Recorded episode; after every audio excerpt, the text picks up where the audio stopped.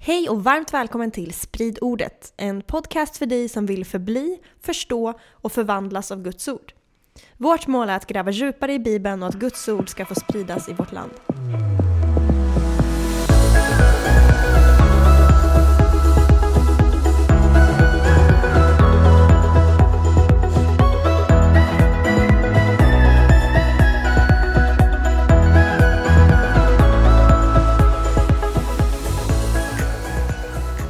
Tjena! Hej Jenny! Hur är läget? Ja, men det är bra tack, hur mår du? Jo, det är bra. What's new? What's new? Nej, jag, jag mår jättebra. Jag känner mig fis, frisk. Fisk. Du är frisk till och med. känner mig frisk och kry och ja, jag mår prima alltså. Hur mår du då? Jo då, det är bra. Jag är taggad. Du mår bra nu? Ja. Du var sjuk i fyra veckor typ. Ja, bara det liksom. Ja. Men Guds ord består. Ja, ja det är grymt. Jag är lite taggad. Vi ska ju till USA snart också. Mm. Mm. Besöka min syster där. Ester. Mm. I Minnesota. Och på tal om Ester. Vad ska vi göra idag? Vi ska göra- Wow, vilken smooth övergång. Ja, precis. Vi ska, vi ska göra en påskspecial idag. Woho! Vi ska, eftersom det är påsktider här nu. Och eh, några dagar är det påsk. Och då tänkte vi att vi ska koppla påskberättelsen till Ester-berättelsen. Det är en, ändå en intressant koppling. Den har inte jag gjort någon gång förut. Jo, det har du för ett år sedan när vi spelade in påskspecial. Med, med tre, varför tre dagar? Ja, men vi har inte haft bara fokus på Ester Nej, och nej, liksom så är det, så är det. påsk... eh, Nej. Ja. Absolut. Men för ett år sedan gjorde vi en påskspecial. Ja, Och det var fett. det var kul. Alltså det är typ mitt favoritavsnitt. Varför Jesus uppstod på tre, tredje dagen. Mm. Jag tycker det är otroligt häftigt att följa de här mönstren i Bibeln och se hur det leder fram till Ja, alltså hur Bibeln är en en enad berättelse som leder Mm. fram till Jesus-storyn. Det är mäktigt. Verkligen. Eh, och gång på gång i den här podden så visar vi ju liksom att allt handlar om Jesus. Och vi vill se Jesus i precis allt. Amen. Ja, precis som att vissa människor kan se precis sin agenda i allt, liksom, så ska vi se Jesus i allt kanske. Eh, nej, men jag, jag tänker lite så här, ofta när jag läser Bibeln, det, det, det, kan, det kan vara lite som typ så här, en förälder som älskar att visa upp bilder av sina barn. Eller en förälder som älskar att visa upp sitt barn generellt. Hur bara. menar du? Ja men eh, typ, ja men du vet en förälder som går runt och visar bilder på sitt barn hela tiden i mobilen. Typ, titta här, och här är min son, han är ute och leker och här gör han det här och här gör han det här, visst är han söt? Och, ja, kanske lite som du gör, ibland gör med dina syskonbarn. Typ så, fast Gud är också så med sin son. Så är det. Han visar, han visar upp honom överallt i Bibeln, Titta här. tycker jag liksom. Så i, i Nya Testamentet, då är det mer sonen in action, det är evangelierna, du vet hans fullkomliga liv, hans död, hans uppståndelse. Mm. Sen kommer apostlärningarna, det är hur hans kropp verkar på jorden och hur, hur han är där liksom, och epistlarna samma sak. Och så uppenbarelseboken, han kommer som domare och, och segrare. Men i Gamla Testamentet, de första 39 böckerna, då talar vi här om Jesus också Mm. i profetiorna, i skuggbilderna, i typologierna, i mönsterbilderna. Och eh, som vi har pratat om många gånger på den här podden, att Johannes 5.39 säger ju att ni forskar i skrifterna för ni tror att ni evigt liv i dem, men det är dessa som vittnar om mig. Yes. Och Jesus säger att Bibeln, alltihop, rubbet, stubbet, you name it, allt pekar på Jesus. Han är liksom skriftens stjärna, han är skriftens kärna, han är, det är Oh all yeah. Jesus liksom. Och det är lite passande då här, Ja. att vi ska prata då om Ester idag. Esters bok. För det är ju en väldigt mystisk bok, skulle jag vilja säga. Jaså? Och sen, vad har den med påsken att göra ens? För, för det första, när man läser Bibeln, eller Esters bok framförallt, så ser du att inte Guds namn nämns en enda gång. Gör det det i alla andra böcker? Exakt. Alla? Den tar inte upp till, som jag, okej, om jag, jag tror det. jag är för mig verkligen det. Do your Ja. research. Ja, verkligen. Ja, Den tar inte upp tillbedjan på ett specifikt sätt. Den talar inte om det himmelska. Det finns ingen tydlig profetia om Messias. Och på grund av de här sakerna bland annat så tyckte Martin Luther, alltså reformatorn, Mm. han tyckte att Esters bok inte skulle vara med i Bibelns kanon. Jaha. Och han menade att den var för aggressivt judisk också. För Martin Oj. Luther var lite antisemitisk. Så han tyckte inte den hade något med evangelium att göra. Och jag ville bara säga att han hade verkligen fel. För den här boken är fylld med evangelium. Och det är därför vi ska prata om den idag som påskspecial där. För tack Jesus att han vakar över sitt ord och ser till att vi har Esters bok idag i Spännande. Bibeln. Where do we start? Vad börjar vi med? Alltså det, är lite, det var lite roligt, jag sa att Jesus är Bibelns stjärna och kärna. Ester, namnet Ester betyder stjärna på persiska.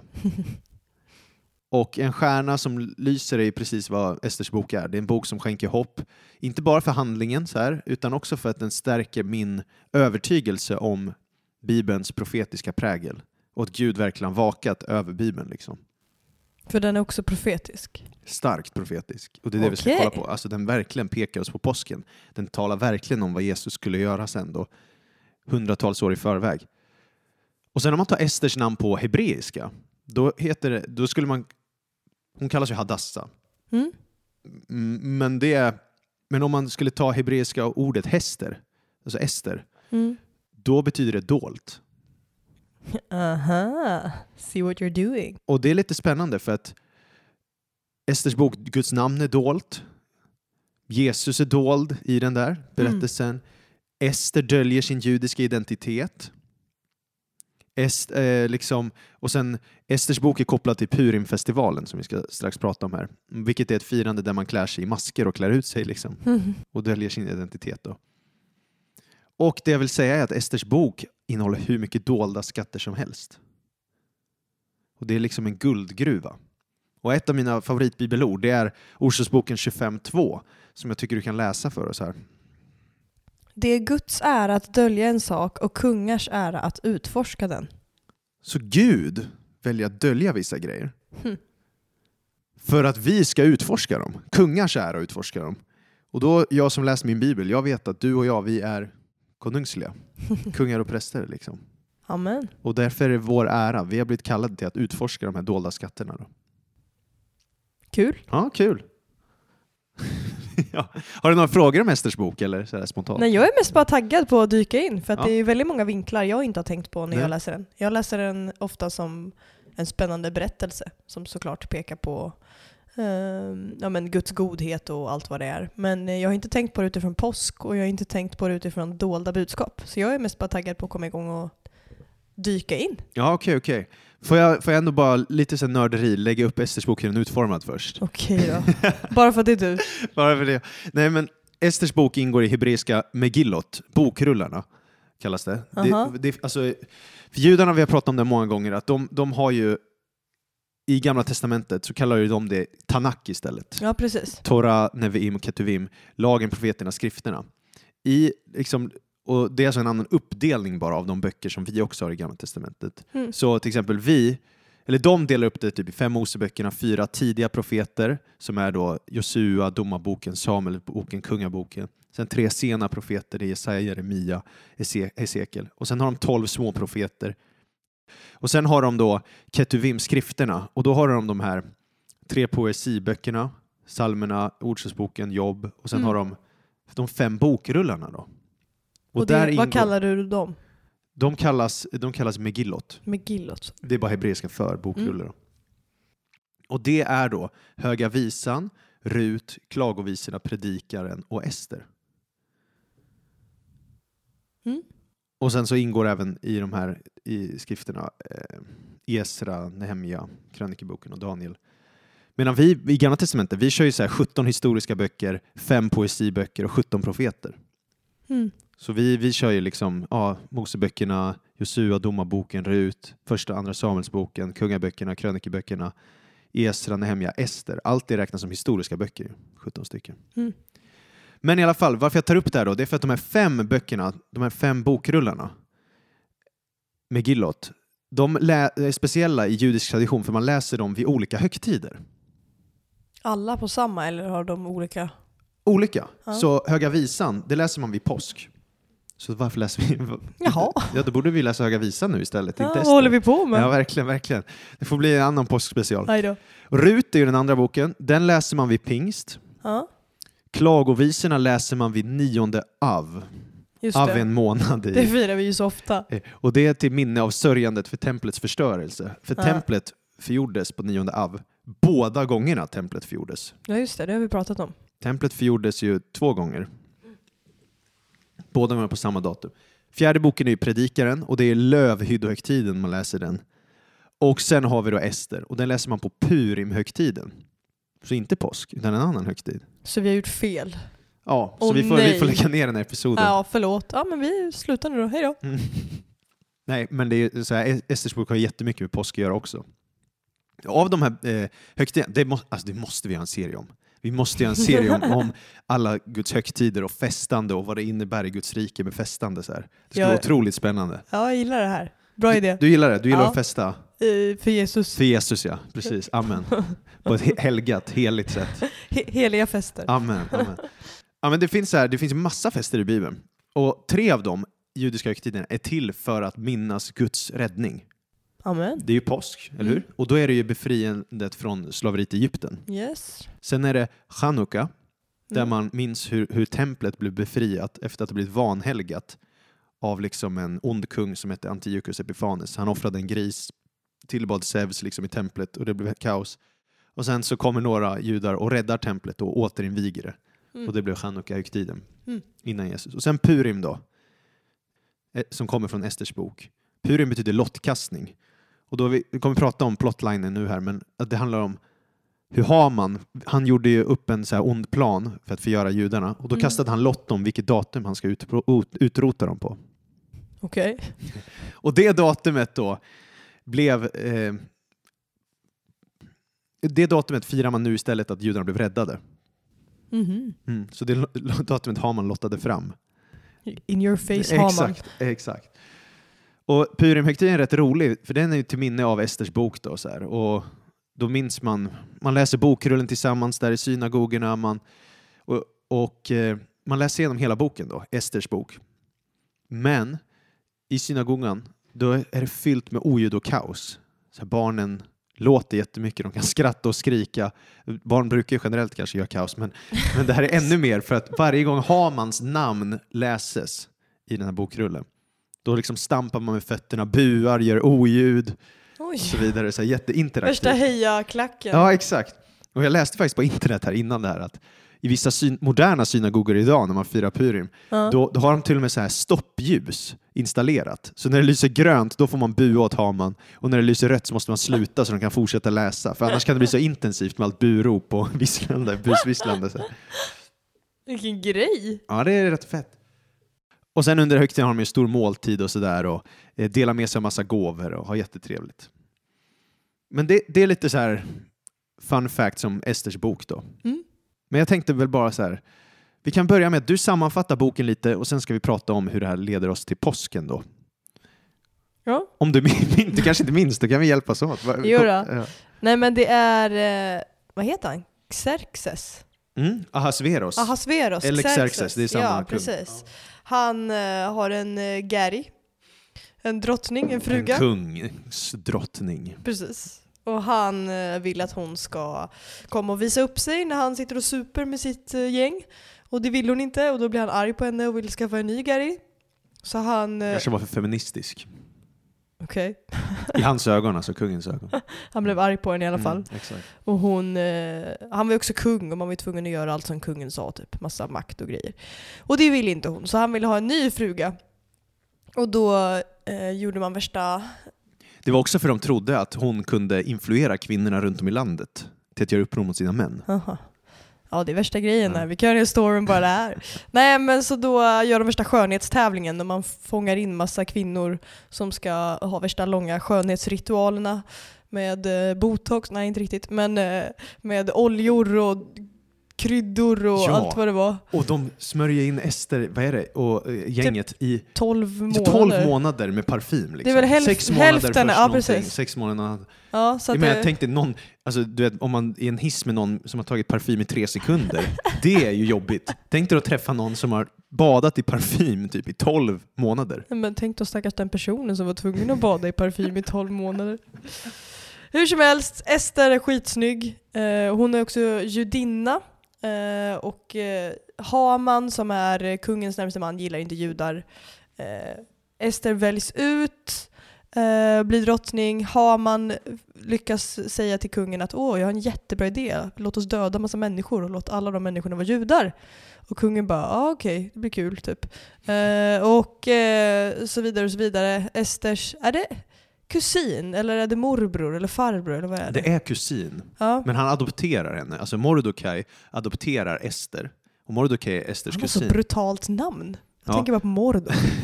Mordokaj. Mordokaj fanns innan Mordor.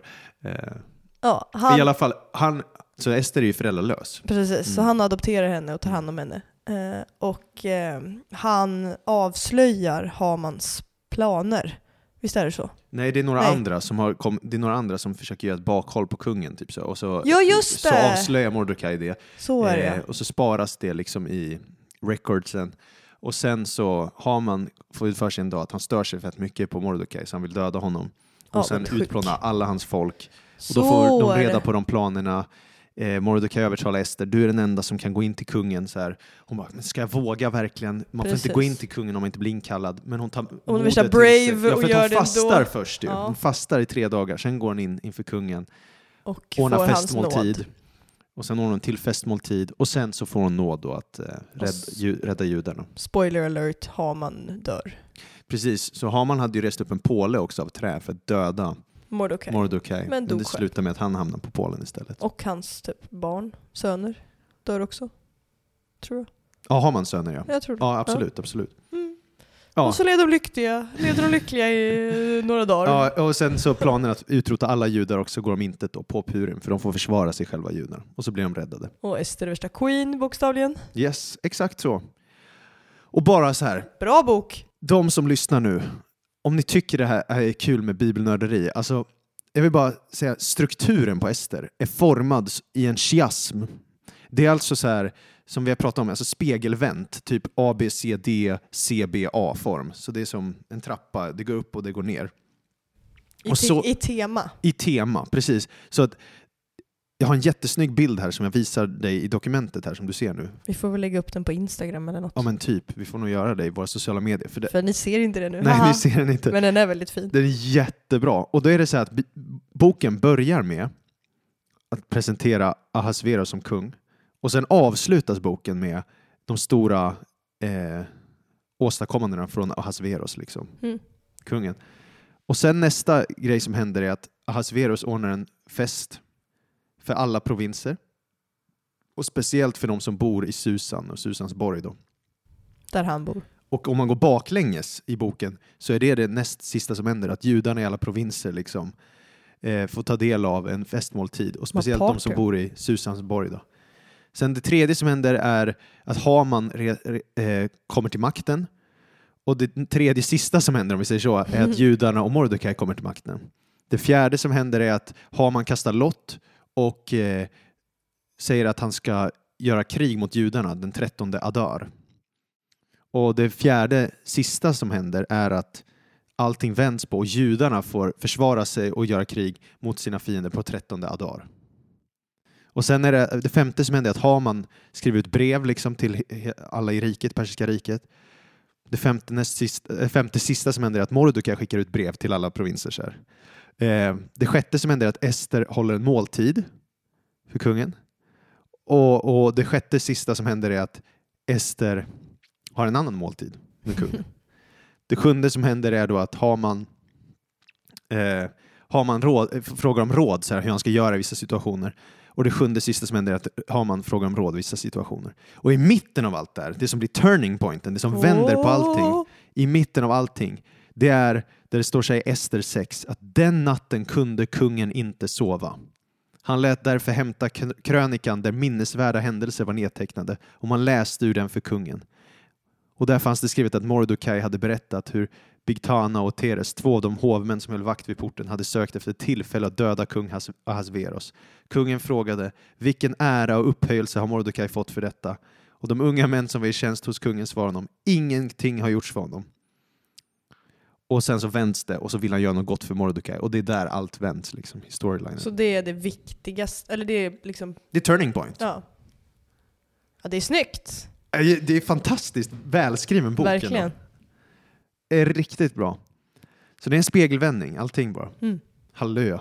Okej, men nu ska vi prata om eh, nu ska vi prata om påsken och hur det leder fram till det, tänkte jag. Även om vi har en fun fact till, så vi, vi kan ta den också.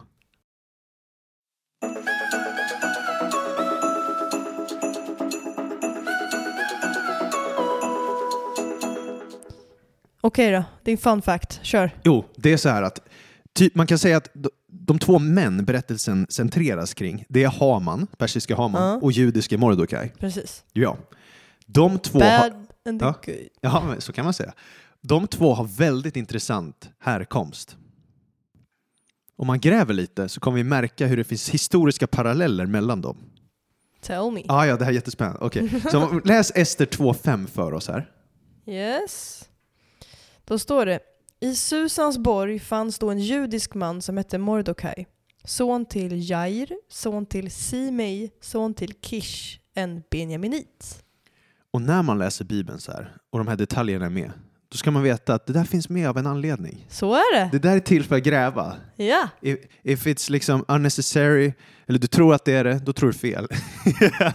Da, da. Utan det här är verkligen bara, okej, då ska vi ta reda på vem är Jair eller vem är Simei? Vem är Kish? Allt där. Jo, Simei. Jätteintressant. Det är en man vi stöter på under kung David. Alltså Okej. typ 500 år innan Ester. Esters Länge sedan. Och ska vi läsa om vem, vem han var då? I, I Andra Samuelsboken 16? Men var det Simei? Ja. Eller Shimei. Ja. Eh, andra Samuelsboken 16, 5-8.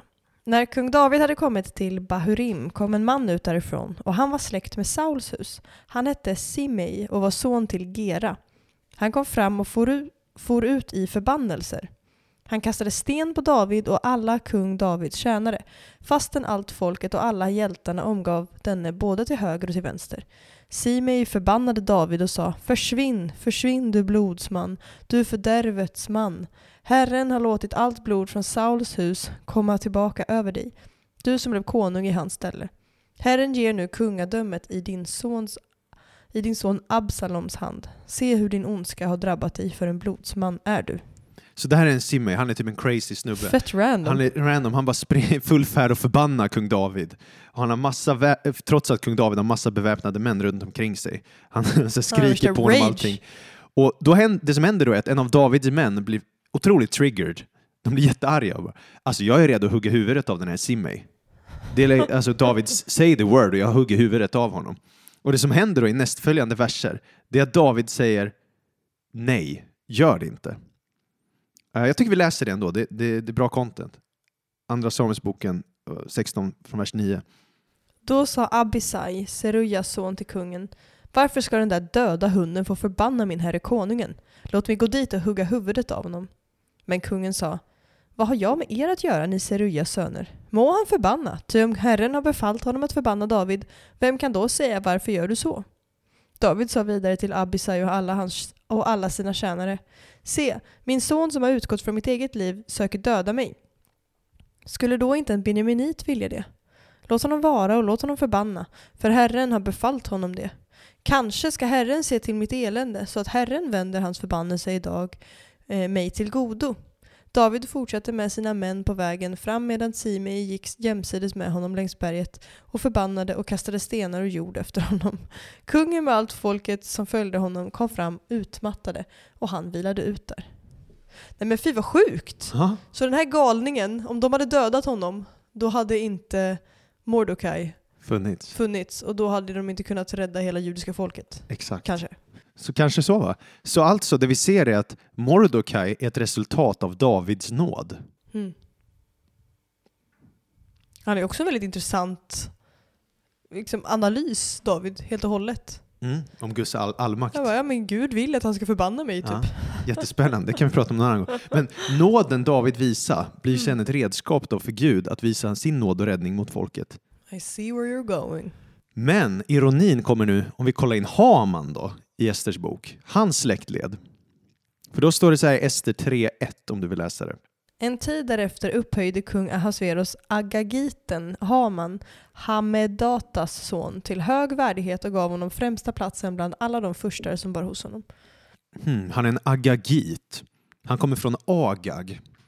Och vem är Agag? Ah, Agag, Jenny, på 10 bibelpoäng på ett bibelquiz. Agag är en jätte. Nej. Nej, det kanske. Kanske inte, det vet jag inget om. Men Agag i alla fall är, han kommer från Amaleks stam. Så att han faktiskt, var inte jo, det? då, absolut, så Ja. han kan ha haft 10 sånt, poäng. han kan ha haft sånt påbrå faktiskt. Men det som händer är i första Samuelsboken 15, i storyn om Saul, Mhm. som är kungen innan David, då så säger Herren till honom, jag ska straffa Amalek för det han gjorde mot Israel när han ställde sig i vägen för honom då han drog upp Egypten. Så okej, så han vill att Amalek ska straffas och att de här folken ska straffas eh, och skadas och utrotas. Och då står det så här i vers 7 i första Samuelsboken 15, om du vill läsa det, vers 7. Yes. Sedan slog Saul amalekiterna från Havila ända fram emot Tjur som ligger öster om Egypten. Han tog Agag, Amaleks kung, levande till fånga och förgjorde allt folket med svärd. Men Saul och folket skonade Agag och det bästa och det näst bästa av fåren, nötboskapen och lammen, kort sagt allt som var av värde. De ville inte ge det till spillo. All boskap däremot som var dålig och värdelös gav de till spillo. Okej. Och, efter, och sen för att Saul gör det här sen förkastas han som kung. För att han var olydig och så säger han du kommer bli av med kungariket. Och så säger profeten Samuel till honom du skulle lyssna på Guds röst. Du kan inte bara göra hur du vill. Jobbigt. Men poängen här är att Agag blir skonad av Sauls olydnad. Ja. Och han leder sen fram till Haman. Som inte är så snäll. Så du ser bakgrunden till Esters story är att Mordokaj och Haman är båda resultatet av skonade förfäder. Mordokaj, Mordokaj tack vare kung David, skonad Ja. av Simei, och Haman för att kung Saul skonade Agag. Och de är ju skonade av helt olika anledningar. Den ena av nåd och den andra av olydnad. Ja. Själviskhet. Ja, spännande, eller hur? Verkligen!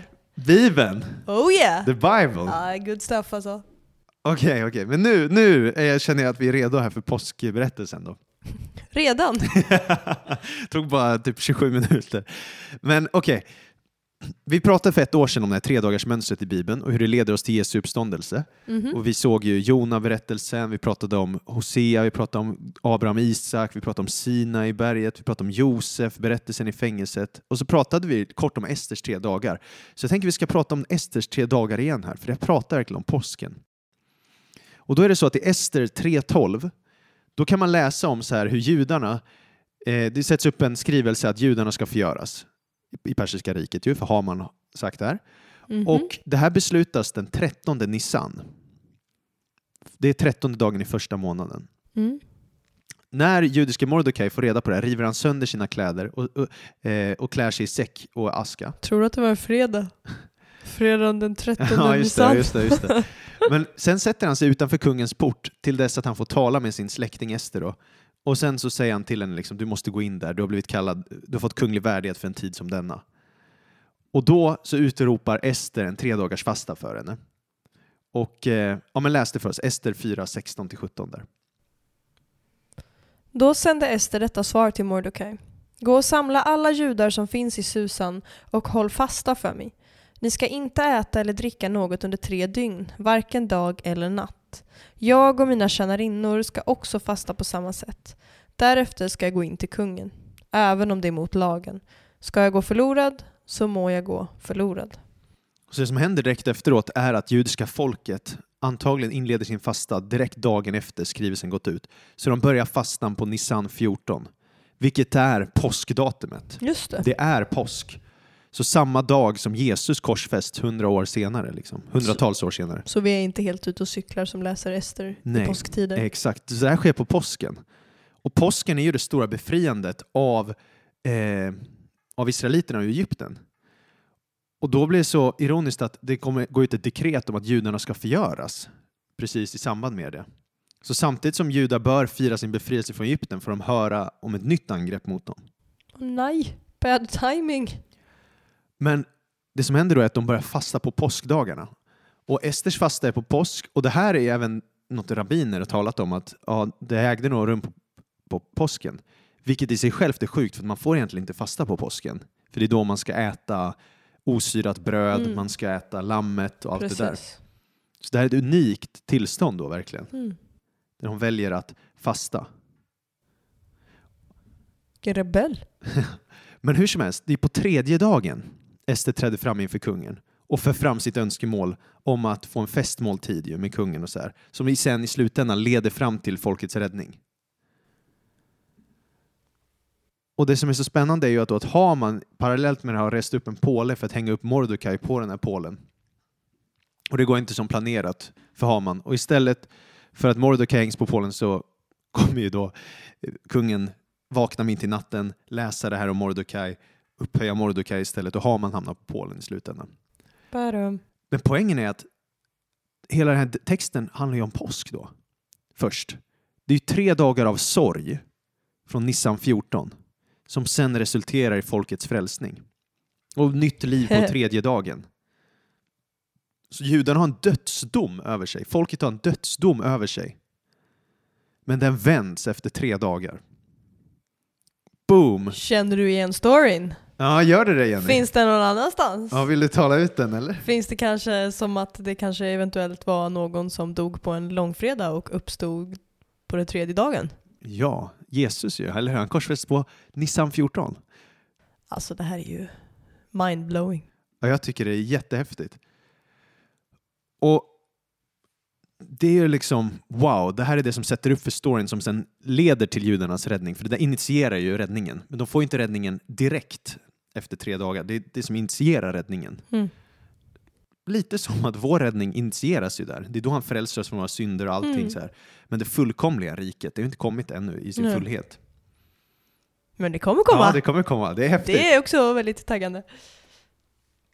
Och då eftersom vi vill göra Ester-storyn ännu mer påskrelaterad så gör vi det genom att göra den mer Jesus-relaterad. För allt handlar ju om Jesus och Jesus är ju påskens budskap. Esters bok pekar på Jesus. Halleluja. Och vi har ju pratat om att det finns skuggbilder i hebreiska bibeln, det finns dolda liksom, mönster, det vi kallar typologier. Och Esters bok är inget undantag då. Nej. Och det som ger oss ledtråden att det här handlar om det, det är för att i Esters bok är den skriven först i parallell till Josef-berättelsen. Du vet Josef i Första Mhm. Mosebok. Vi har pratat om det i vår serie profeti- profetior om Jesus. Allt är connected. Ja, det är ju det. Det här egentligen skulle kunna ingå egentligen i vår serie profetior om Jesus, men då ville vi inte att det skulle bli för lång den serien. Så jag bara, nej, vi skjuter på det och gör det vid påsk istället. Smart. Men det här är alltså, för i Esters bok, det finns så mycket paralleller med Josef-storyn. Så om vi läser Första Mosebok 39, 10. Nej, det ska vi inte alls göra. Så här, vi, vi tar det så här. Ester och Josef, vi tänker, det är båda en man och en kvinna då, som får makt i ett främmande land och använder sina höga positioner för att frälsa sitt folk. Mm.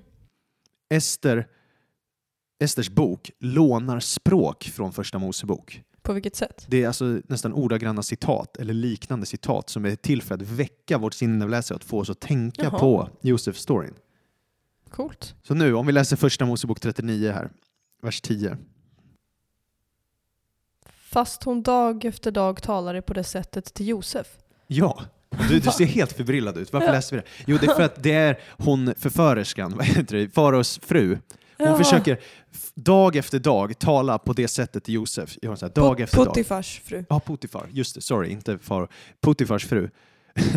Vad är det man sa? Du skämtade. Putimor var det. Det var. Putimor. Och det här är exakt typ samma grej som sägs om Mordecai. Det är några som försöker fresta honom att ändra sitt beteende. För då står det i SD 3.4 att dag efter dag sa de så till honom utan att han lyssnar på dem.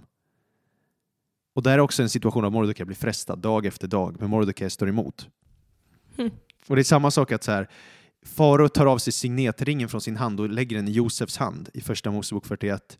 Mm. Och i Esters bok står det om hur kungen tar av sig signetringen och lägger den i Mordokais hand. Ja. Tar bort den från Haman och ger den till Mordokaj.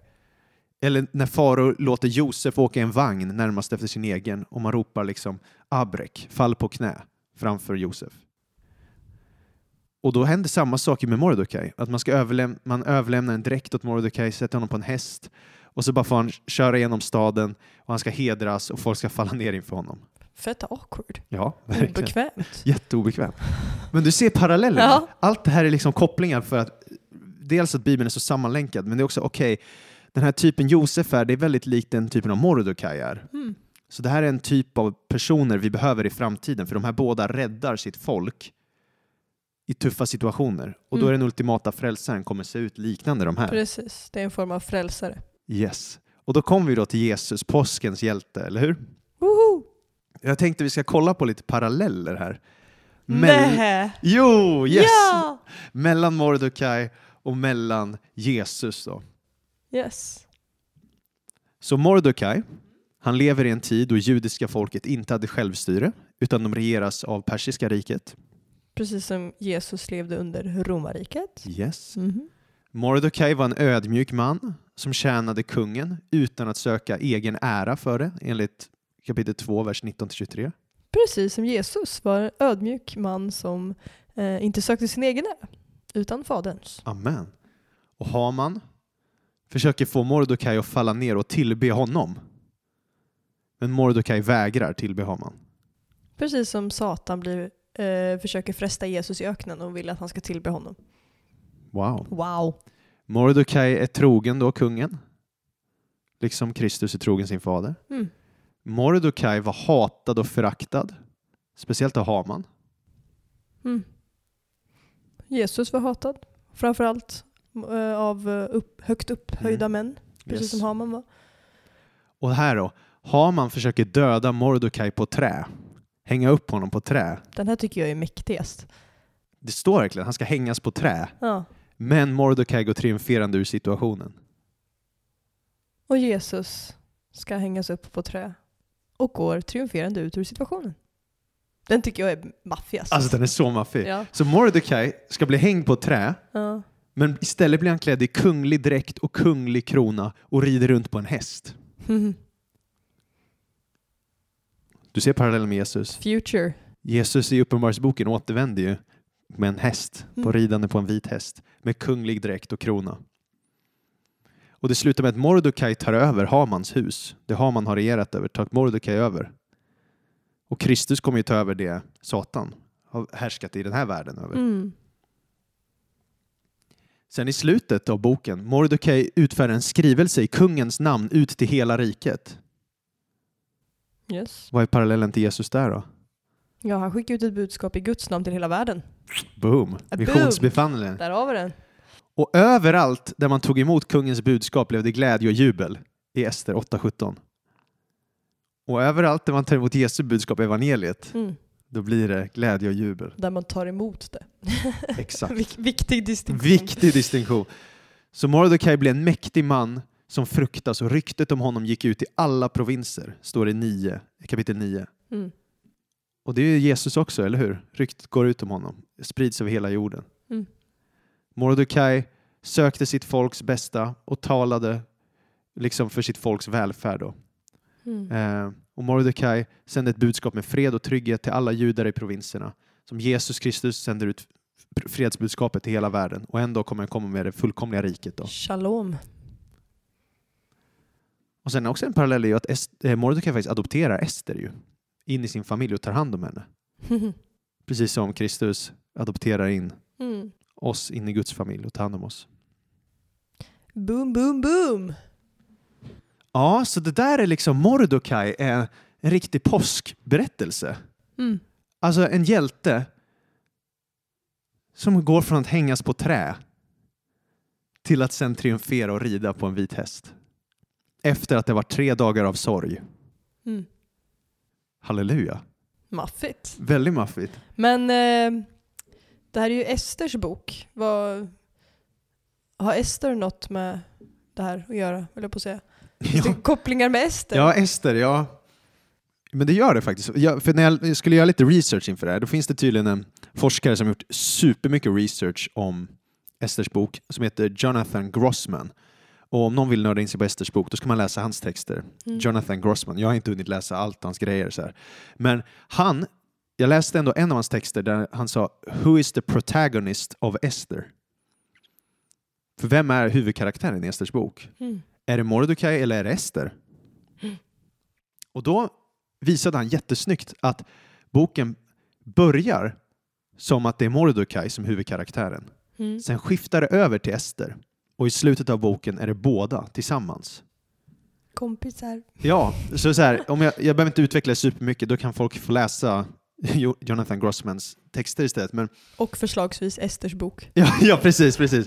Men basically, det börjar med så här att ehm, eh, vissa skulle säga bara spontant att det är Ester som är huvudpersonen i berättelsen. Det heter ju Esters Ja, men det är bok. inte sant. Utan, alltså det är inte sant att hon är det i huvudpersonen. Hon är också det tillsammans med Mordecai. För i början beskrivs det hur Ester utväljs som drottning, men då är hon hela tiden passiv. Hon tas till kungen, hon tas upp som Mordecais egen dotter och Ester lyder Mordecai i allt. I Ester 2.20 står det att Ester gjorde som Mordecai hade sagt, Mm. liksom när hon var under hans vård. Så även när hon inte var under hans vård så lydde hon honom. Mm. Och det finns massa mer här, exempel på det. Men sen sker ett skifte i Ester 4.17. För då står det att Mordecai gick iväg och gjorde allt som Ester hade befallt honom. Mhm. Och nu börjar Mordecai lyda Ester istället. Just det. Och därifrån så börjar det handla om att Ester är huvudkaraktären. För nu är det Ester som bjuder in kungen till måltid. Nu är det Ester som får Haman hängd. Nu är det Ester som upphäver Intressant. budet. Så här. Men sen i slutet av boken, då är båda karaktärerna protagonisterna. För då, är det, då sänder Mordecai brev till alla judar att fira Purim i två dagar. Och Ester skickar brev också, och de gör det som tillsammans. Teamwork. Teamwork, så att det, det är som att Mordecai och Ester de skiftar mellan varandra att vara protagonister och i slutet är de det tillsammans. Och det här gjorde att jag ville liksom utforska lite, ja men kanske Ester också har paralleller med Jesus Kristus. Det är ju ganska ovanligt. Generellt i typologiska mönster så brukar kvinnan vara mer symbol på ehm, församlingen. Mhm. Men jag tycker att det finns ganska mycket paralleller ändå till Kristus. Du får se om, om du ser dem också så här, Mm. i det här påskavsnittet. Som Ja. lika gärna kunde varit profetier om Jesus. För det, det är den regent vi behöver. Ja. Ester blev ju en form av regent. Yes. Ja. Så Ester lever i en tid då judiska folk inte hade självstyre, eller hur? Ja. Samma som Mordecai. Ja, precis. Ester älskades av kungen mer än alla andra. Och då kan man ju säga liksom att Kristus är älskad av Fadern på Mm. ett unikt sätt. Då. Ester växer upp med en far som inte är sin biologiska far. Mm. Jesus och True Josef. Josef eh, var inte hans biologiska far. Ester avslöjade inte att hon var jude förrän vid rätt tid. Och Jesus Kristus, han avslöjade inte att han var Messias förrän i rätt tid. Det var ju alltid så här hysch-hysch Intressant. förrän det var hans tid. Och man kan ju säga att Esters liksom nära släkting Mordecai bryter mot kungens bud. För kungens bud var så här att ja, man skulle falla ner och till. Ja. Och han försätter folk, judarna då under en dödsdom. Mm. Man kan ju säga då att Kristus släkting, Adam, första människa, bröt mot Guds bud och försatte allt folk under dödsdom. Lite långsökt. Ja, den, men, Okej, förlåt, den var, den var lite för långsam. men Okej. ja, kanske inte. Nej, men det starkaste är att Ester fastar där i tre dagar på Ja. Nissan 14. Så det går från tre dagar av sorg till seger. Mm. Och det är ju Jesus också. Så. Eh, och sen var det så att Ester kunde inte, ingen kunde komma nära kungen utan att dö, förutom Ester. Och ingen utom Jesus kan ju träda inför Guds ansikte då. Eh, alltså, vad heter det? Man kan ju inte kliva in i Guds närvaro hur som helst. Man Mm. behövde ju blodsoffer. Liksom. Och Jesus har gjort det möjligt för oss. Att han kliver in i vår, i, för oss så att vi kan i Jesu namn komma till Fadern nu. Ehm, och sen var det att Ester, det här ändå tycker jag, jag tycker det här är en parallell. Du får Mm. säga, jag kan ju läsa in för mycket såklart. Men Ester bjöd in Haman till en måltid för att avslöja honom som brottsling. Och Jesus bjuder ju in Judas till måltid så att Judas blir avslöjad. Det är sant. Det är sant. Eller hur? Så. Haman är faktiskt väldigt lik Judas. För Haman säljer judiska folkets liv för silverpengar till och med. Det står att han säljer dem för silver, han får pengar i, i, i 3, 9 till 11. Och Judas säljer ju Jesu liv för silverpengar. Ja. Och sen Ester riskerar sitt liv för folkets frälsning. Det är ju det. Hon går in inför Mm. kungen med risken att hon ska dö. Som Kristus offrar sitt liv faktiskt för folkets räddning. Mm. Och att sen Esters handling blir till räddning för hela folket. Mm. Vilket Jesu handling blir till räddning för hela folket. Och sen det, så, jag tycker det är ro, det här är en faktiskt stark parallell i och med att Haman är som en bild på Judas men också på Antikrist. Det är för att Ester får sen i slutet av boken Hamans tio söner hängda. De blir hängda. Och det är faktiskt så i Uppenbarelseboken att Kristus kommer besegra Antikrist och han har tio kungar i Uppenbarelseboken 17 som besegras. Mm. Så det, här, det är ett typologiskt mönster på Antikrist har man. Och sen då så skickar Ester ut en skrivelse i kungens namn till hela riket. Liksom, vi, vi kan säga att Jesus gör missionsbefallningen då. Ja, men det här är Gud, vad han säger. Så du ser att liksom Ester och Mordecai Ja, tillsammans bildar Ja. eh, liksom det här, vad, vi, vad man i judiska berättelsen behöver. Det här är den typen av frälsare vi behöver, den här typen av regent vi behöver. Eller typen av frälsare bättre säga. Det här är den typen av räddare vi behöver. Och så liksom skuggbilder då av det verkliga idealet som är Kristusen. Så när Jesus kommer och uppfyller allt det här, då är allt primat i förväg och han Mm. uppfyller skrifterna. Så här ser vi att det här är ju en påskberättelse. Det är ju en story om räddning.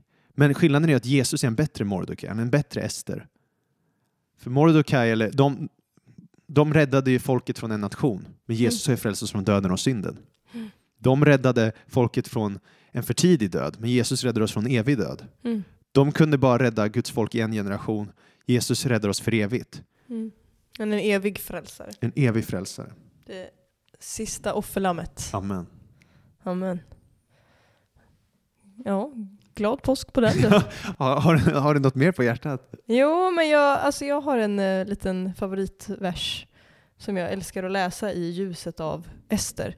Och det är Hebreerbrevet eh, ska vi se, 4, vers 16.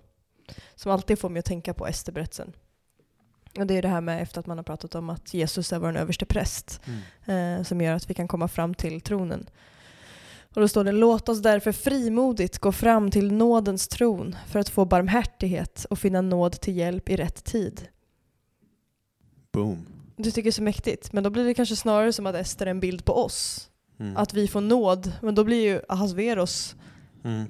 Gud på Mm. något sätt, eller en kung i alla fall, Mm. rent. Eh, och att eh, om hon kunde gå fram till honom, Mm. Då nu, halleluja, vi kan gå fram till en evig kung Ja. och få barmhärtighet och finna nåd till hjälp i rätt tid. Frimodighet kan leda till frälsning. Så är det. Ja, Frimodighet har stor lön. så är det verkligen. Eh, ja, nej, men det här är en liten påskspecial. som Det vi är inte så visa att- liten. Vi vill visa att Jesus är i hela Bibeln. Det handlar om Kristus. Och vi vill önska er alla som lyssnar, vare sig det är innan påsk nu, vi släpper precis innan påsk, eller efter påsk, bara att eh, ni skulle minnas Jesu död och uppståndelse varenda dag av alla era liv. Och att han är skrifternas stjärna och kärna. och Esters bok, Ester som heter Stjärna då. Ja. Det är en stjärna som pekar oss till Jesus återigen. Amen. Amen. Glad påsk hörni. Glad påsk!